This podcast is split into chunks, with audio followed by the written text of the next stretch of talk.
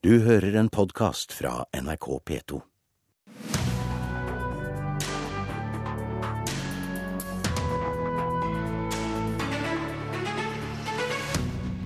Politiet bør hjelpe til med å finne ut hvor den statlige forsvunne kunsten befinner seg, mener Fremskrittspartiet. Kunst for et titalls millioner kan være på avveie. Cannes-festivalen åpner med krangel om hvem Grace av Monaco egentlig var, og hvordan hun skal vises på film. Og keiserinnen av Irans kunstsamling skal opp av kjelleren og ut i verden med bilder av bl.a. Picasso og Jackson Pollock. Velkommen til Kulturnytt i Nyhetsmorgen med Hugo Fermarello i studio, hvor vi også anmelder Kjartan Fløgstads nyeste roman senere i sendingen. Det er på høy tid å finne ut av hvor statlig forsvunnet kunst er eh, blitt av, mener flere kulturpolitikere. 187 kunstverk som staten eier, er borte, viser en kartlegging av 10% av den samlede kunsten i staten. Statens eget fagorgan for kunst, Kunst i offentlig rom, KORO, vet ikke hvor verkene har tatt veien. Vi må gjøre noe med kontrollrutinene, sier stortingsrepresentant Geir Jørgen Bekkevold fra Kristelig Folkeparti. Altså jeg mener at her eh, så sløses det med offentlige midler. For det andre så er dette å vise null respekt for de kunstnerne som står bak disse kunstverkene. Det sier kulturpolitisk talsmann i KrF, Geir Jørgen Bekkevold, om kunstverkene som er forsvunnet. 187 bilder, skulpturer og andre verk har blitt kjøpt inn med statlige midler til å utsmykke det offentlige rom. Ansvaret for at forvaltningen av kunsten fungerer, har KORO, statens fagorgan for kunst i offentlige rom. Og nå er kunsten borte. Jeg tror kanskje at eh, kunstnere som eh, sier ja til utsmykninger, ikke bør se dette som eh, noe som har evig liv, altså. Sa kunstner Bjørn Ransve til Dagsrevyen i går. Syv av hans bilder er blant verkene som er forsvunnet. Noe av den jobben vi skal gjøre, det er å se på kontrollrutinene. For her er det tydelig at de er for dårlige. Det vi skal huske på, det er at her står det kunstnere bak som har, eh, som har eh, fått i oppdrag å lage kunst som skal eh, berike det offentlige rom. Sier Bekkevold. Han beskriver situasjonen som svært alvorlig, og mener man nå må finne ut av hvor alle kunstverkene er.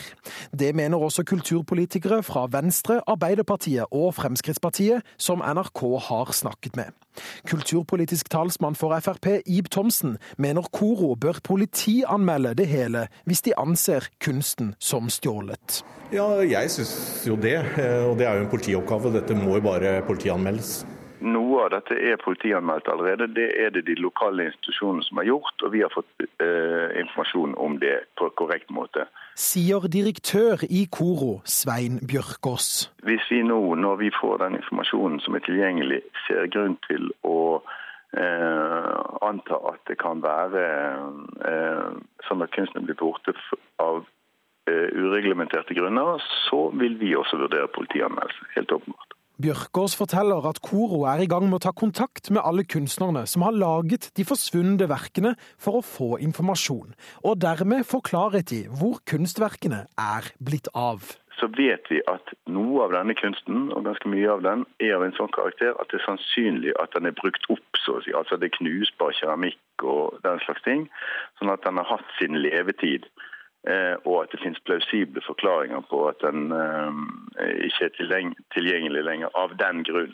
Kulturdepartementet ved statssekretær Knut Olav Åmås beskriver også situasjonen som alvorlig, og sier at noe må gjøres.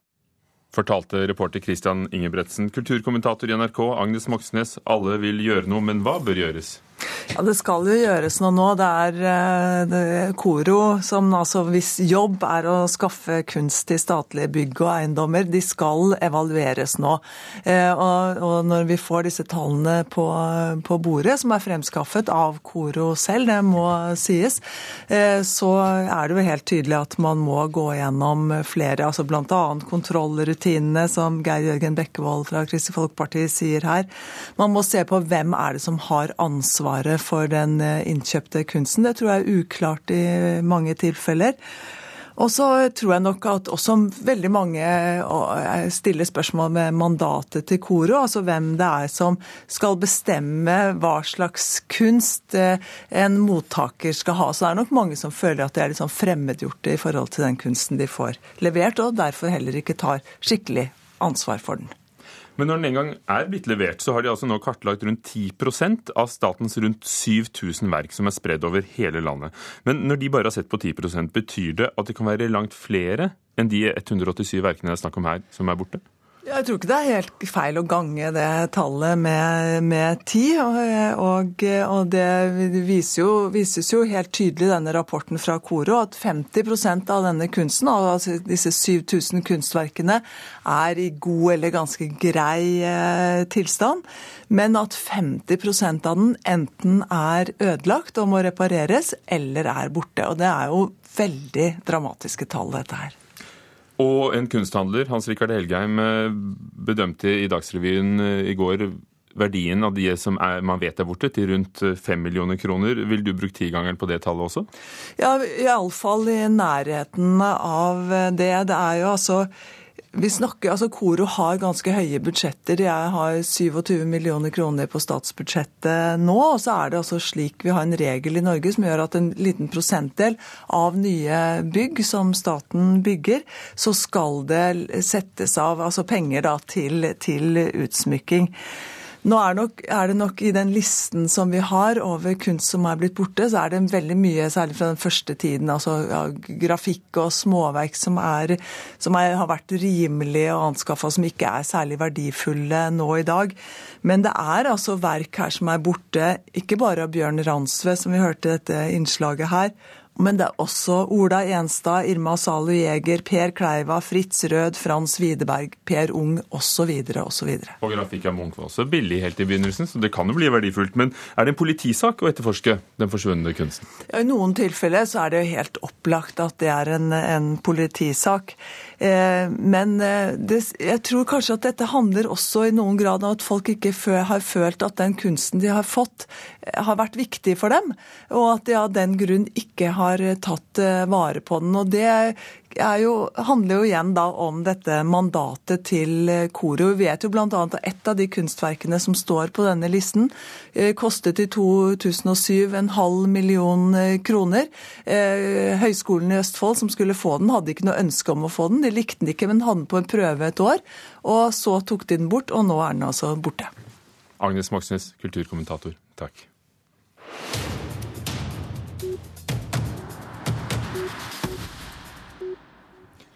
Forbrukerrådet mener dataselskapet Apple bryter norsk lov. I dag vil Forbrukerombudet klage Apples nettskiprodukt iCloud inn for eh, nettopp eh, Forbrukerombudet.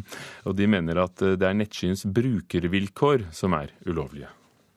iCloud og Apple kan når som helst endre vilkårene til brukerne sine uten å varsle dem. Det er helt uakseptabelt, og vi i Forbrukerrådet mener det er i strid med norsk og europeisk lov. Det sier Finn Myrstad i Forbrukerrådet.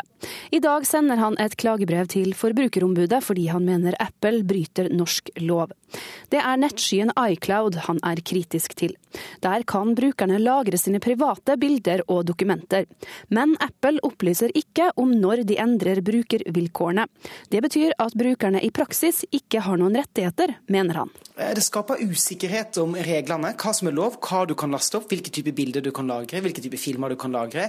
Hvilken type innhold, generelt sett stor usikkerhet om det du lagrer der er sikkert. Så vi ønsker at Apple endrer vilkårene sine, sånn at de gir forutsigbarhet for norske forbrukere. Og Det lyktes ikke NRK å få en kommentar fra Apple i denne saken. Ifølge Aftenposten har Apple valgt å ikke kommentere saken. Reporter Eirin Venås Sivertsen. Den svenske regissøren Malik Benjelul er død, 36 år gammel. Benjelul fikk en Oscar-statuett i fjor for filmen 'Searching for Sugarman', som handler om den amerikanske musikeren Sixto Rodriguez. 36-åringen ble funnet død i går ettermiddag, og politiet tror ikke det ligger noe kriminelt bak. Benjelul var også kjent fra barne-TV i Sverige, og gjorde seg bemerket som reporter i TV-programmet Kobra, og svenske kulturpersonligheter hyller ham i alle de svenske avisene i dag. Christopher Columbus' eh, flaggskip Santa Maria kan være funnet over 500 år etter at skipet gikk ned, skriver britiske The Independent ved hjelp av sonar, dykker og notater fra Columbus sin dagbok, sier undervannsarkeologen Barry Clifford at han har lokalisert skipet nord for Haiti. Santa Maria var en del av Columbus sin eh, legendariske første ekspedisjon, som innledet den europeiske koloniseringen av Amerika.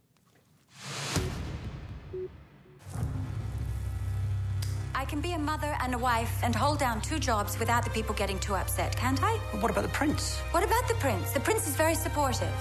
Ray is never going to accept the idea of his princess going back into the movies. You know that, Gracie. I don't know, it's always politics with him. Dette er lyd fra filmen 'Grace of Monaco', som åpner filmfestivalen i Cannes i Frankrike i dag. Vegard Larsen, programleder for Filmbonanza i NRK. Hva er det som har skapt debatt rundt eh, denne filmen om Grace Kelly? Det er vel uh, hvor sann den er. Uh, foreldre, altså Barna til Grace Kelly og fyrst Ranieri lever jo den dag i dag. Og de har jo sagt at dette er et stort stykke fiksjon og løgn, og distanserer seg veldig fra den. Nicole Kidman spiller Grace, og hun kommer til festivalen, men den er ikke med i konkurransen. Du har sett den, men kan du si noe om den? Nei, altså Det er veldig hemmelig alle disse filmene her Cannes, så jeg har dessverre måttet skrive under på en avtale. At jeg ikke får lov til å uttale meg om filmen før etter den offisielle pressevisningen, som er nå i dag klokken ti. Så sånn rundt klokken tolv så kan du ringe meg igjen, så skal jeg fortelle deg hva jeg synes om den.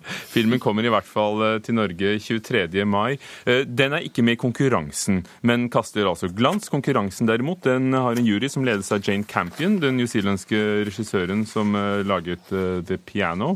Hvilke forventninger har du til årets gullpalmefilm? Altså Det er jo spennende at det er hun som leder juryen. Hun er jo den eneste kvinnen til dags dato som har vunnet Gullpalmen. Eh, og, og, hun er en meget sterk personlighet, så det blir spennende å se eh, hvilket, eh, hvilke føringer hun legger i sin jury. Eh, men det er et spennende program i år. Samtidig så er det ingen klare uh, favoritter, hvis det er lov å si det, før en eneste film er vist. Altså Det er ingen filmer som man har sittet og ventet på i flere år, og som man forventer er et mesterverk. Uh, på den andre siden så er det filmer av svært, svært habile filmskapere. Så, så jeg håper jo at det dukker opp et mesterverk uh, i løpet av de ti neste dagene. Men hva med den vi hører fra her, da? Are you an angel? Bra. Det er nemlig fra The Homesman med Tommy Lee Jones eh, som eh, regissør. Hva handler den om? Altså, The Homesman er en uh, western. Uh, Tommy Lee Jones, som kanskje er mest kjent som skuespiller, spiller i den selv. Han har fått med seg stjerner som Hilary Swank, som har vunnet Oscar tidligere. Meryl Streep er med i den filmen. Den handler om en uh, mann spilt av Tommy Lee Jones som skal føre en gruppe gærne, altså psykisk ustabile kvinner eh, gjennom eh, Nebraska eh, på 1800-tallet. Og det kan bli interessant. Det er, det er, i hvert fall et vanvittig godt uh, skuespillerteam med, på, med denne filmen. Du, du, var på luften tidligere i dag òg i, i, i Nyhetsmorgen. Da nevnte du en russisk film? Ja, altså Jeg har en favoritt, en, en russisk filmskaper som heter Andrej Sjagentsev. 50 år gammel eh, russisk filmskaper. Han er her med en film som heter Levithian, som er en slags nytolkning av Jobs bok. Eh, den finner sted i, altså utspiller seg i nåtid eh, ved Barentshavet og handler om en ung mann som bare vil godt i livet, men som blir gjort svært mye urett av en lokal ordfører. Han har gjort seg bemerket tidligere med, med filmer som 'Tilbake' og 'Elena', og er Eh, svært, svært eh, anerkjent eh, regissør. Ikke så kjent kanskje i Vesten, men, men han er en het kandidat for Gullpalmen, vil jeg tro. Takk skal du ha, Vegard Larsen. Vi må komme tilbake til det norske bidraget, nemlig kortfilmen av Halvard Witzøe ja, vi elsker, og at det er to nordmenn i juryen, og, og storfilmen om Dominique Strauss-Kahn, skandalepolitikeren i Frankrike. Dette får vi komme tilbake til, for det er alt vi rakk nå. Takk skal du ha. Cannes-festivalen åpner i dag. 17 minutter over åtte, dører på Nyhetsmorgen i NRK. Overskriften i dag. Over 200 gruvearbeidere er omkommet i Tyrkia etter en eksplosjon. Bøndene varsler flere omfattende aksjoner mot jordbruksoppgjøret etter at de brøt forhandlingene med staten. Mange bønder har eh, begynt aksjonene allerede i dag. Og I dag legger regjeringen frem revidert nasjonalbudsjett. Norsk økonomi går godt, og det er ikke behov for store endringer, sier finansminister Siv Jensen. En av verdens største og mest verdifulle kunstsamlinger kan komme frem i lyset etter å ha blitt holdt skjult av det iranske presseskapet i 35 år, dvs. Si siden revolusjonen i 1979. Samlingen ble bygd opp av tidligere keiserinne Farah Diba av Iran, og inneholder verk av van Gogh, Picasso, Munch, Kandinsky, Klee, Miró, Monet, Chagall, Dali, Degas, Gauguin og Jackson Pollock, og jeg har ikke nevnt alle. Ifølge tyske Frankfurter Allgemeine Zeitung ønsker museet for samtidskunst i Teheran å sende maleriene ut på en verdensturné og de spekulerer i om Tate-museet i London kan bli et av de første.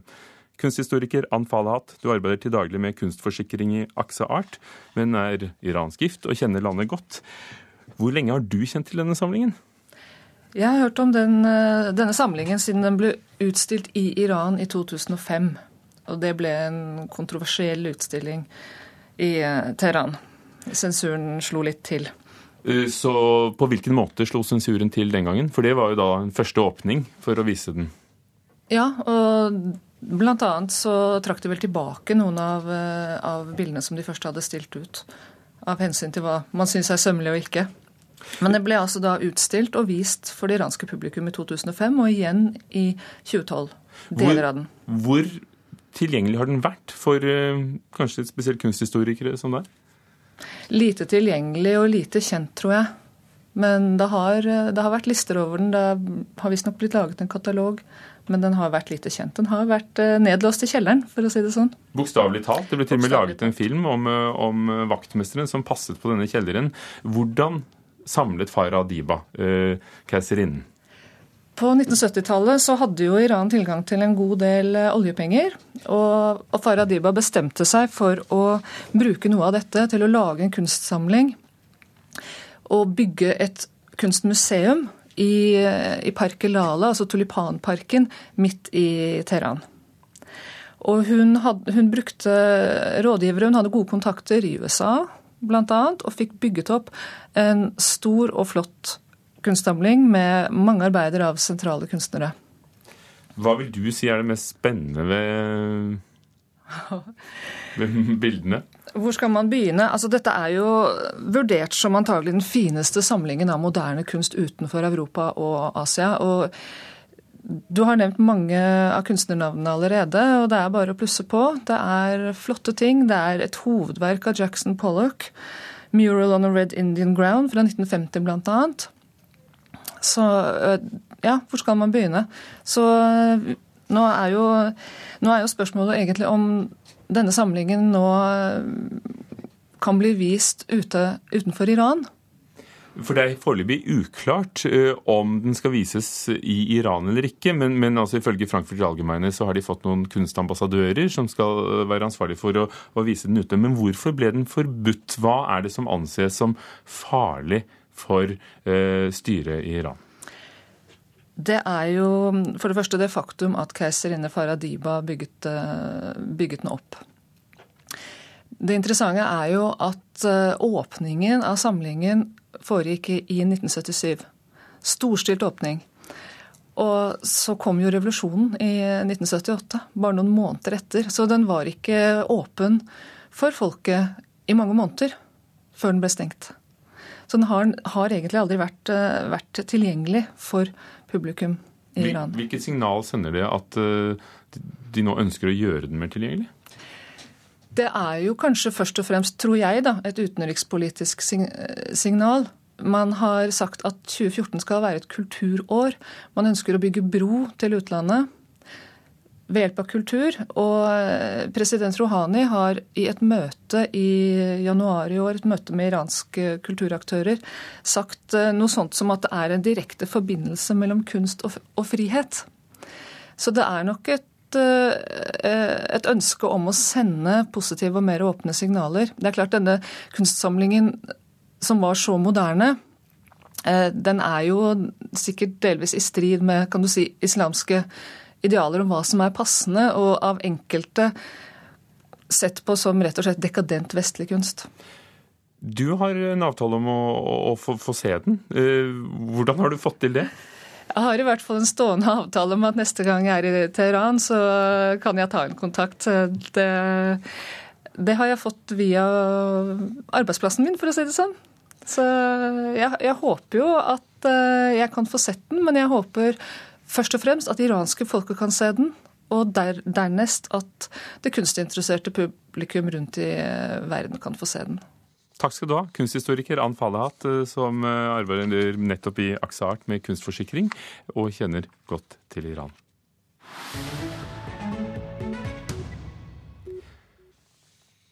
Til sine seneste romaner har Kjartan Fløgstad hentet titlene fra nordområdene. Først kom 'Grense Jakobselv', deretter 'Nordaustpassasjen', og årets roman heter i likhet med fjorden på Svalbard 'Magdalenafjorden'. Fløgstad fortsetter sin litterære klappjakt på noen av dem som var på feil side under krigen, og denne gangen er det kvinner som får unngjelde, sier vår anmelder Knut Hoem. Kvinnene vi møter i Kjartan Fløgstads nye roman, spiller høyt for å kunne spise kirsebær og drikke champagne med herrer i uniform som vil erobre verden. I romanen Grense Jakobselv fra 2009 het hun for eksempel Aida Vik af Pettersen, og var skuespillerinne med fast plass rundt bordet og i sengen til datidens nazistiske alfahanner, og hun var et produkt av dikterens fantasi. Marina Li, som vi møter i Magdalenafjorden, har faktisk levd. Hennes ødeleggende rolle da tyskerne vant slaget om Narvik i 1940, er vel dokumentert. Fløgstad er ikke den første som skriver om denne kvinnen, som må kunne sies å være en femme fatale i bokstavelig forstand.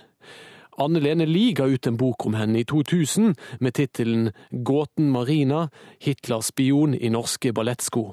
En bok som Fløgstad henviser til i romanen denne gang. Det kan bety at kritikken fra historiker Tore Pryser, som mente at han burde bli oppgitt som kilde i Grense Jakobselv, ikke prellet så mye av på forfatteren som det kunne virke som da dette ble diskutert i avisspaltene på forsommeren for fem år siden. Fløgstads romanfigurer er malt med bred pensel. Det går an å lese dem med litt samme briller som vi ser filmer av Quentin Tarantino, en filmskaper som Fløgstad må være inspirert av her. Fascistprimadonnaene, slik de fremstår ved restaurantbordet i Madrid under krigen, ligner tolken til Goebbels i Tarantino-filmen Inglorious Bastards. Én ting er å overleve, noe annet er å leve videre, heter det i bokens innledende tagline, bare for å bli litt i film- og fjernsynsbegrepsverden. Spørsmålet romanen behandler er ikke først og fremst hvilke krigsforbrytelser du eventuelt kan slippe unna med, men snarere hvilke krigsforbrytelser du kan leve videre med. Like sikkert som jeg vet at heller ikke den sene Fløgstad er alles kopp te, må jeg for egen del bare konstatere at jeg føler stor tilfredsstillelse ved å være en del av dette universet. Fløgstads roman fremstår som litterært sann. Det er ikke bare historien som får seg noen nye farger. Også språket historien skrives inn i, får nye farger. Magdalenafjorden vil gjøre lykke hos dem som mener at språket ikke bare er der for å transportere innhold, men også klang og lyd. Hvordan menneskene han skildrer egentlig var, er en annen diskusjon. Et eller annet sted der ute kan det befinne seg et barnebarn av storspionen Marina Noreg, alias Marina Li, alias Marina Gubonina, som husker henne som en omsorgsfull bestemor. Sa Knut Hoem, som hadde lest Magdalenafjorden av Kjartan Fløgstad, og en lengre versjon av anmeldelsen kan vi lese på nettsidene nrk.no. Studentavisen i Trondheim, Under dusken, både på papir og internettversjonen, feirer 100 år, dvs. Si ikke nettversjonen, og de satser stort. De blir en del av et nytt mediehus og vil bli best på sitt felt i Norge. Skal vi se Det også at de ligger godt beskytta. Med stjerna i øynene pakker de andektig opp under dusken, årgang 1920. Det var den eldste vi fant på Trondheim folkebibliotek. Bunken er sirlig pakka inn i brunt papir. Ja, vi har ganske mange kjente forfattere som har skrevet for Underdusken opp gjennom tidene. Eh, Så en er jo britiske eh, sir Arton Conan Doyle, som har skrevet eh, historien om Sherlock Holmes. Og så har jo Knut Hamsun også skrevet for Underdusken.